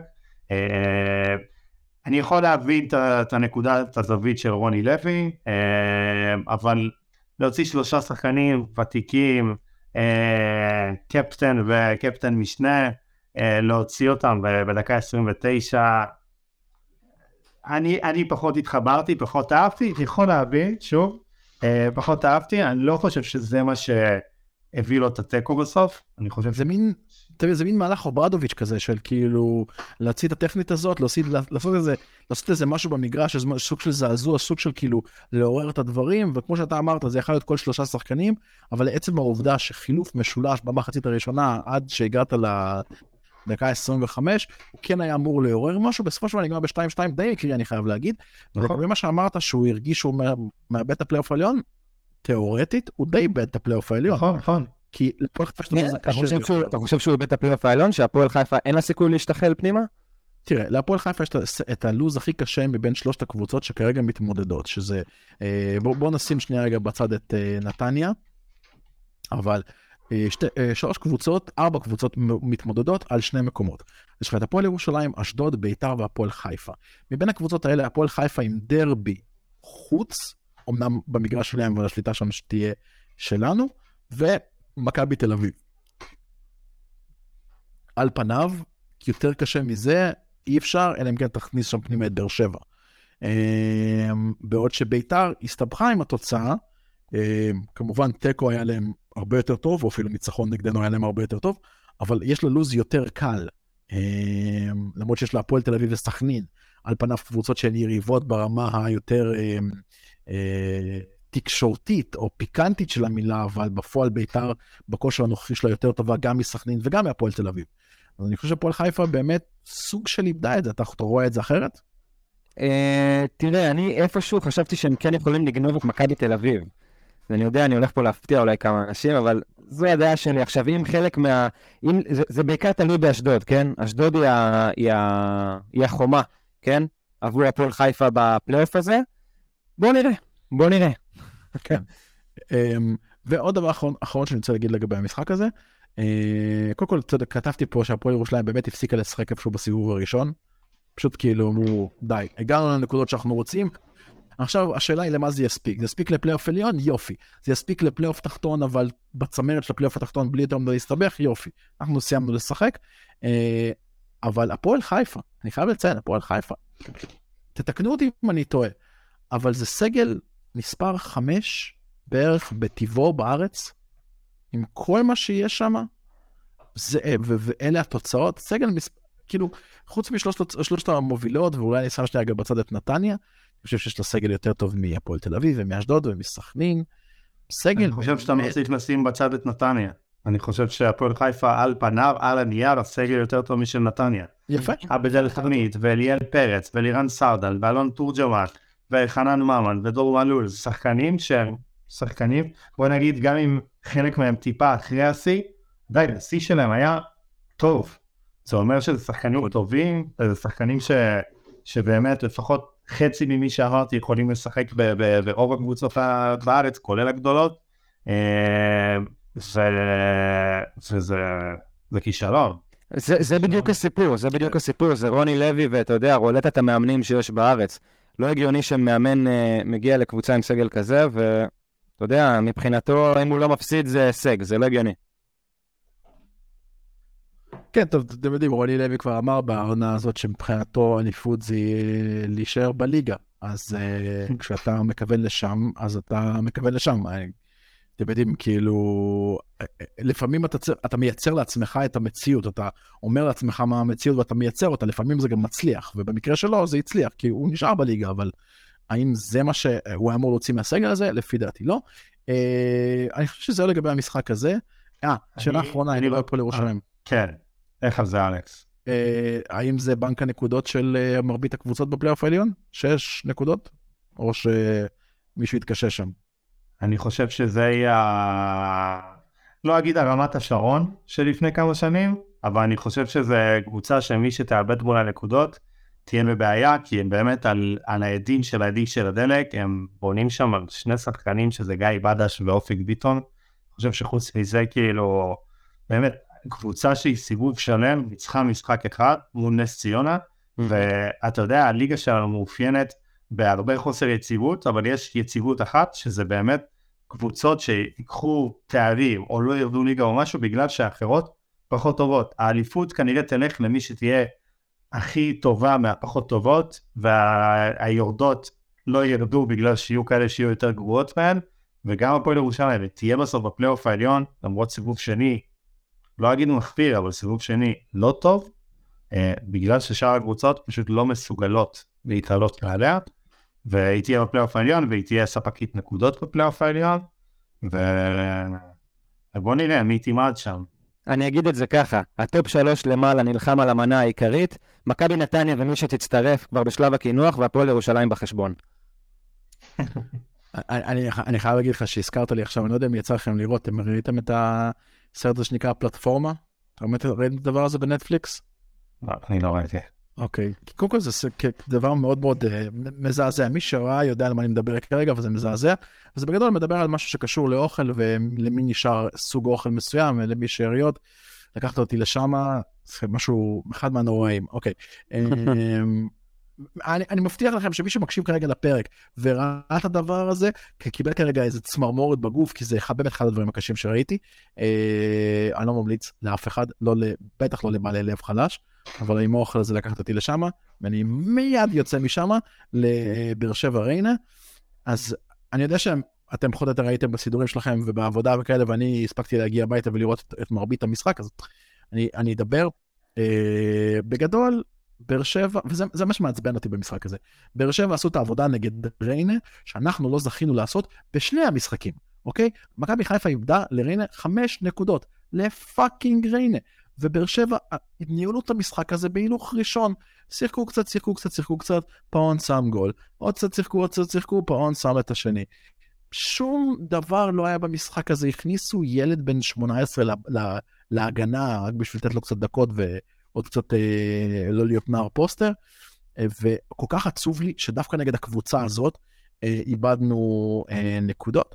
אה, ופאון, פאון, הוצאתי קצת נתונים עליו, אז פאון הופך להיות שחקן אה, מאוד מאוד חשוב בבאר שבע. עכשיו, המספרים שלו אולי לא כל כך מראים את זה, אבל אני כן רוצה להגיד לכם קצת לגבי המספרים של פאון. אז קודם כל, קודם כל, הוא עם אה, ארבעה שערים, עם אה, בישול אחד, אה, וזה ארבעה שערים כולל צמד היום, אבל אה, הוא אה, השחקן עם כמות אה, מסירות מפתח מהמובילים מ top 5 בבאר שבע, עם 11 מסירות מפתח ניסיונות. ועם אה, מסירות מפתח מדויקות, חמישה ביחד אה, גם בצמרת של השחקנים בבאר שבע, ואיומים למסגרת הוא עם 13, שזה top 3 שחקנים. אה, ואיומים מתוך הרחבה עם 14, שהוא גם נמצא ב top 5 לשחקנים בבאר שבע. top 6, סליחה. אה, הופך להיות שחקן מאוד מאוד חשוב, ואנחנו תמיד מדברים על הרכש הזה שמגיע בינואר ולא באמת מצליח להתאקלם. במקרה של פאון, לפי דעתי, באר שבע הביאו שחקן אה, טוב. סתם שאלה, רועי, מוכר שחקן מהמנג'ר, איך הוא, משהו ספציפית לגביו שאתה מכיר, או ש... אה, האמת שלא לא יצא לי להתקל בו, אני מודה. אה, אני כן, אבל אה, אני כן חושב, כמו שאמרת, שזו תוספת מאוד טובה, זה שחקן שהוא כרגע מהשנה, אבל הוא כנראה ישתהיה אותם, יש להם אופציית רכישה על אזור חצי מיליון יורו, שבהשוואה למה שהוא נותן, ולפי הסטטיסטיקה שאתה נותן, זה שווה את הכסף. הרבה יותר טוב ממה ששאפי נותן להם, שעלה באופציה היא במיליון אם לא יותר, ואני לא רואה סיבה ש... שאלונה לא תשאיר אותו, ו... וכן, סך הכל הגיע מ... מקלוז' שהיא קבוצה טובה, פה רוני לוין, אימן אותה לפני כמה שנים טובות מרומניה. הגיע, אימן אותם לפני כמה שנים טובות. בוא נראה, בוא נראה, כאילו, זמן יגיד אם הוא באמת יישאר וישאיר חותם, אבל כן, זה נראה טוב. כן, ואני אשאל אתכם שאלה אחרונה, ממש אנחנו נסכם את הסיבוב הזה של המשחקים. אה, היו עד כה 24 מחזורים. כמה משחקים ברציפות נס ציונה לא ניצחה? וואו. אני אעבר על זה כתוב, אבל תעשו ככה כי שאתם לא רואים את מה שכתבתי. לא, לא, אני לא מסתכל בכוונה, אני לא מסתכל. האמת, סליחה, זה לא כתוב, כי הוספתי את זה לפני שנייה אצלי. אה, אוקיי. אוקיי, יאללה, טוב, רועי, רועי, תן הימור, תן הימור. לא, אני אמרתי על 12 משחקים. אוקיי, אז אני אתן לטל לעלות קצת. כמה היא לא ניצחה? תראה, היא לא כבשה באיזה שבעה או שמונה, זה כבר כאילו, זה... אני אומר 14. 15. 15, וואו. קריית שמונה. כדורגל. לא, ציונה. כן, סליחה. לא, את? אה? את מי הם ניצחו? כתוב? יש? את מי הם ניצחו? וואו, שאלה... זכור לי איזה משחק עם מלא שערים בקריית שמונה, אבל אולי הוא נגמר בשלוש שלוש. יש להם שלוש, יש להם שלושה ניצחונות. תן לי רגע להסתכל. תיקו עם סכנין. וואו, שלושה ניצחונות, איך אתה יכול לאהוד קבוצה כזאת? אתה מבין למה אני מתכוון, כאילו? אני פחות חושב על הנושא של האהדה, אני יותר חושב על מה הם עושים תיקו עם הפועל תל אביב, אבל בסדר, לא... הם גם עם מכבי תל אביב, אגב, בסיבוב הראשון. הם ניצחו את אשדד, 2-0 נראה לי, נכון? מחזור 15. אז הנה, זה הניצחון האחרון כנראה. אשדוד. כן, אי שם בשנת 22, משחק האחרון של שנת 2022. אני אוהב שאתה אומר אי שם בשנת 22. כן, נראה לפני ספירה. זה כשהמוח עובד מהר יותר. סבבה. אז מבחינתנו, אני חושב שאנחנו סיכמנו את המחזור. בגדול, שום דבר ברמת הסטטוסים במחזור הזה לא השתנה. הצמרת נשארה באותו פער, שלושת הקבוצות ניצחו. התחתית עם ריינה ונס ציונה למטה, אנחנו יודעים את זה, קריית שמונה עלתה מעל הקו העליון, שזה נחמד. המאבק על הפלייאוף פתוח בין, כמו שאמרנו, על ארבעה קבוצות שמשחקות על שני מקומות, חמש ושש. סיום. זה פה אנחנו סיימנו את המחזור הזה. עכשיו, שתי דברים אחרונים שאנחנו רוצים לדבר. שיפוט. הזכרנו את זה בפרק הקודם, ואיפשהו אני מאמין שהחזקנו אצבעות שבמחזור הזה נושא השיפוט יהיה יותר טוב, ואז קיבלנו את הנושא של סכנין שדיברנו עליו, וקיבלנו את מה שקרה בחיפה עם בית"ר. אה, איזה משהו שצעק לכם ספציפית לגבי השיפוט במחזור הזה? כן, כן. אה, רועי אתה רוצה? אני חם פשוט, אני חם. לך על זה, טל.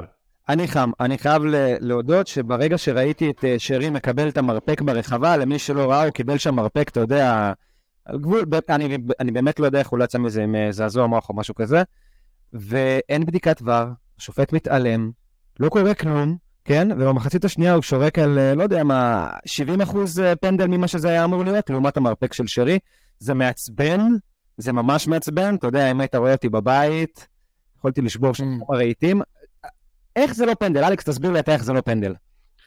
אני אגיד לך איך זה לא פנדל, אני חושב שזה היה פנקסנות הפוכה, זה היה, לא נתתי את הפנדל המאה אחוז ברור במחצית הראשונה, אז אני אתן איזה פנדל מומצא והזוי במחצית השנייה. בסופו של דבר רציתי להחמיץ אותו, ובסופו של דבר זה היה משחק סכום אפס. אוקיי, שום דבר לא קרה משלושת האירועים, לא מהפאול שלא נשרק, מהפאול שכן, מהיד שנשרקה ומהפנדל, אבל בסופו של דבר זה, זה מגוחך, הפנקסנות הזאת מגוחכת. אה, וזה ממשיך לכל כך הרבה דברים פנימה, זה ממשיך עם האדום ש... תשמעו, היה צהוב שני, היה אדום, למשוך את זה אחרי זה לכל מה שהיה אחרי זה מיותר. אה, אנשים באים בטענות לחזיזה לגבי ההצגות, אבל אם אספריה לא נשאר לשכב שם אחרי הפנדל, על אבו פאניקה, סביר להניח שגם את זה לא היו בודקים בVAR. וזה חייב, הדבר, הדבר המרכזי שחייב להפסיק, זה שופטים חייבים לקבל, להפסיק לקבל את קריאת עבר על עיוור. זה כאילו, אולי אתם חושבים אחרת ממני, ברגע שיש בדיקה בVAR, אני אפילו לא צריך לדעת האם באמת תהיה בדיקה בVAR, אני יודע שזה הולך להיות מה שהעבר קבע. אני לא מדבר איתכם על נבדלים, אני מדבר איתכם על עבירות, פאולים, פדלים, דברים כאלה. אז, אז, אז למה? אז למה אתה שם, שופט יקר? בוא נחליף אותך בבובה, והעבר יפסוק ויהיה בסדר. אמ, אבל בכל כך הרבה משחקים, ואני באמת חושש שאנחנו נכנסים עכשיו לפלייאוף העליון, ושיפוט יכול להכריע עונה. כי זה, זה, לא, זה לא מופרך, אני חושב. אני אמשיך את הקו שלך ואני אגיד שכמו שדיברת שבסוף התוכנית תהיה פינה שרוצים לעשות את הפינה גבוהה, אני חושב שפינה שלצערי כל הזמן תישאר גבוהה היא פינת השיפוט, כי זה מה שיקרה כל שבוע, אנחנו נראה לפחות במשחק אחד או שניים שיהיו הכרע... החלטות מכריעות, אה, ולצערי עבר, גם אם נצמצם את זה, הוא לא, זה לא שהוא לא פותר את זה, הוא, הוא פשוט מצמצם, הוא לא, הוא, הוא, הוא כאילו ב-20 אחוז, 30 אחוז. שבחלק מהמקרים הוא מסבך את זה. הוא מסבך, נכון, נכון. זה הרבה יותר נתון לפרשנות, הרבה, הרבה עבירות בתוך הרחבה, ש, שכנראה, אוקיי, השופט לא ראה, כנראה שזה לא היה פנדל, או לא היה כזה משמעותי, אבל מישהו נגע באצבע, נגע, כל מיני דברים כאלה ש... שגם החוק למי שיותר מבין מאיתנו, לא ברור, אה, אני חושב שכאילו אנחנו נמשיך לראות את זה לצערי שבוע אחרי שבוע, וזה פשוט כאילו, בוא נראה איזה קבוצה תעלה בגורל שבוע הבא. אתם יודעים, כן, השיפוט בארץ כל כך גרוע, שכשאני שואל חברים אוהדי מכבי תל אביב מה דעתם על השיפוט, אז הם אומרים לי, אה, עזוב אותך, ינקלה, ינקלה קנה את השופטים, השיפוט לטובתכם. ואתה יודע, אתה שואל אוהדים של מכבי חיפה, אומרים לך, השופטים צהובים. אתה שואל, את הפועל באר שבע, ואומרים, אה, שיפוט לטובת מכבי חיפה ומכבי תל אביב. זה כמה השיפוט בארץ גרוע, ואז אתה יודע, זה מתחבר לנקודה שאמרת מקודם, אלכס, אז כנראה שצריך לעשות הצגה. אלה שבאים ומתייפייפים בחזיזה שהוא נפל שם, אז כנראה שצריך להישאר על הדשא באמת, גם אם לא קיבלת משהו רציני, אבל העיקר שעבר יתערב. אז, אז בדיוק, אז בדיוק היה לי את הדיון הזה היום, רועי היה לי את הדיון הזה עם לב, שזה חבר שלנו מקבוצת פנטזי, והיה לי בדיוק את הדיון הזה לגבי החזית הזה שמשך את ההצגה, ונתתי לו דוגמה את דור פרץ באותו גמר גביע נגד הפועל תל אביב, שאם דור פרץ לא נשאר לשכב לפחות 7-8 דקות על הדשא, המהלך בסוף, אחרי הגול, יש להגיד, לא נעצר, לא נבדק, לא הרחקה ולא שום דבר, וכנראה שמכבי תל אביב לא מצליחת את הגמר גביע הזה, ככה שלפעמים ההצגות עובדות על השופט, ויש סיבה למה שחקנים עושים את זה, זה לא אמור להיות ככה, אבל לצערי זה המצב, מעצבן. נקווה שיהיה בזה שיפור, לא מאמין. אה, פה אני חייב להצטרף לרועי והפסימיות שלו, כי אני בדרך כלל בן אדם די אופטימי, או לפחות ריאליסטי, אבל בקטע הזה אין לי אופטימיות.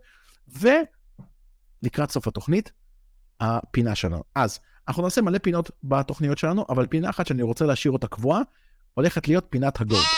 תדמיינו שהצליל נכנס, סתם, אתם באמת שמעתם אותו כרגע, אה, והפינה שלנו נקראת פינת הגוט. גוט, מי שלא יודע, לאו דווקא עז במקרה הזה, למרות הצליל, אלא GOAT, great, greatest of all times, או פינת הטוב ביותר, ואנחנו נבחר את בפינת הטוב ביותר, לאו דווקא בקטגוריות הצפויות, הגולים, הכיבושים, הדריבלים, דווקא בקטגוריות היותר הזויות. אז אנחנו הולכים עכשיו להציג לכם שלושה שחקנים, שהם מבחינתנו ה GOATs בכל מה שקשור לצלילות, הצגות, fake, fake פאולים ו fake news על הדשא, באמת ברמה הגבוהה ביותר, ואני חושב שחלק מהבחירות שבחרנו לצמרת העולמית אולי יפתיעו חלק מכם, ומחר כשהפרק הזה יעלה, אנחנו גם נעלה בסטורי שלנו את אה, שלושתם, ואתם אה, תקבעו ותגידו לנו מי לדעתכם אה, באמת ה GOAT בנושא הזה. אז, שלושת המועמדים לפרס הם ניימר, בוסקץ ואיתי שכטר. כן, עד כדי כך אנחנו חושבים שאיתי שכטר נותן פייט לשני המגה צוללנים ומגה אה, הצגות בבימה של ניימר ובוסקט, וטל אף יגיד, קדימה. מה אני אגיד? מה? על שכטר? שכן, כנראה הם נותנים לו את התחרות, ולא הוא נותן להם את הפייט. אין בכלל ספק. אז אנחנו חילקנו את זה בינינו, ורועי יציג את הראשון, וזה בוסקץ, שלך. אז אה, כן, כמו ששמתם לב, אה, המועמדים האחרים הם נעימר ואיתי שכטר, שני חלוצים, ובגלל זה אני אומר, להיות צוללן כחלוץ זה לא חוכמה, זה חלק מהמקצוע, אבל להיות צוללן ומתחזק כשאתה קשר אחורי, זה כבר, אתה צריך להיות באמת הגוט האמיתי. ואני זורק אתכם ל-2010 ולמשחק של ברצלנו מול אינטר, בחצי גמר ליגת אלופות, ידעתי שתלך לשם כל כך. ידידי אה, זוכר את זה טוב טוב. אה, לשמחתו ולשמחת כל מי שלא אוהד ברצלונה, אה, שאין הרבה כאלה בארץ. זה לא עזר, ואינטר באמת עלו לגמר והם זכו בסוף בגביע, אבל ההצגה שהוא עשה, שהובילה להרחקה של תיאגו מוטה, נכון? כן, כן. כן. דייגו מוטה, ושאתו שיחק בפעם הראשונה שלו בחיים כמגן. רציתי, כל כך קרקעתי שתגיד את זה. אה, ומאז ועד היום בעצם, הוא ממשיך. הוא עושה את זה כמובן, הייתי אומר שהוא עושה את זה בעיקר בקלאסיקו, אבל בגלל שזה משחקים שיותר אנשים רואים אותם, אבל אני בטוח שהוא עושה את זה גם מול גרנדה וגם מול אלמריה וגם מול... אקסטרה מדורה. כן, כל קבוצה אחרת, אם זה בליגת אלופות, אם זה בגביע המלך, ובטח בליגה הספרדית, ספר בוסקץ, מועמד מספר אחת. אז, אז בוסקץ מועמד, ובעיקר מועמד מתוקף התפקיד שלו במגרש, זה טיעון מהטובים ששמעתי בבית משפט. אה, טל, אתה קח את המועמד שלך בבקשה. אה, אוקיי, אז נכון, הוא חלוץ, רועי, אתה צודק, הרבה יותר קל לצלול ברחבה כשאתה חלוץ, אבל שכטר, אתה יודע, כשאריאן רובן היה מקבל את הכדור, אז יש כזה רחש בקהל שאנשים היו אומרים, הוא הולך לקחת לרגל שמאל והשומר שלו לא הולך לקחת, נכון? ורונלדו כשהוא הולך לבעוט, כשרונלדו כשהוא הולך לבעוט בעיטה חופשית, הוא נותן נכון את הפתיחת רגליים הזאת, אתה אומר, אין, הוא הולך לשים את זה, אתה יודע, כשהוא בשיא הכושר. אז איתי שכטר הוא היחיד שכשהוא נכנס למגרש כמחליף, אתה כבר ביציע, אתה אומר, הוא הולך לצלול לפחות פעם אחת.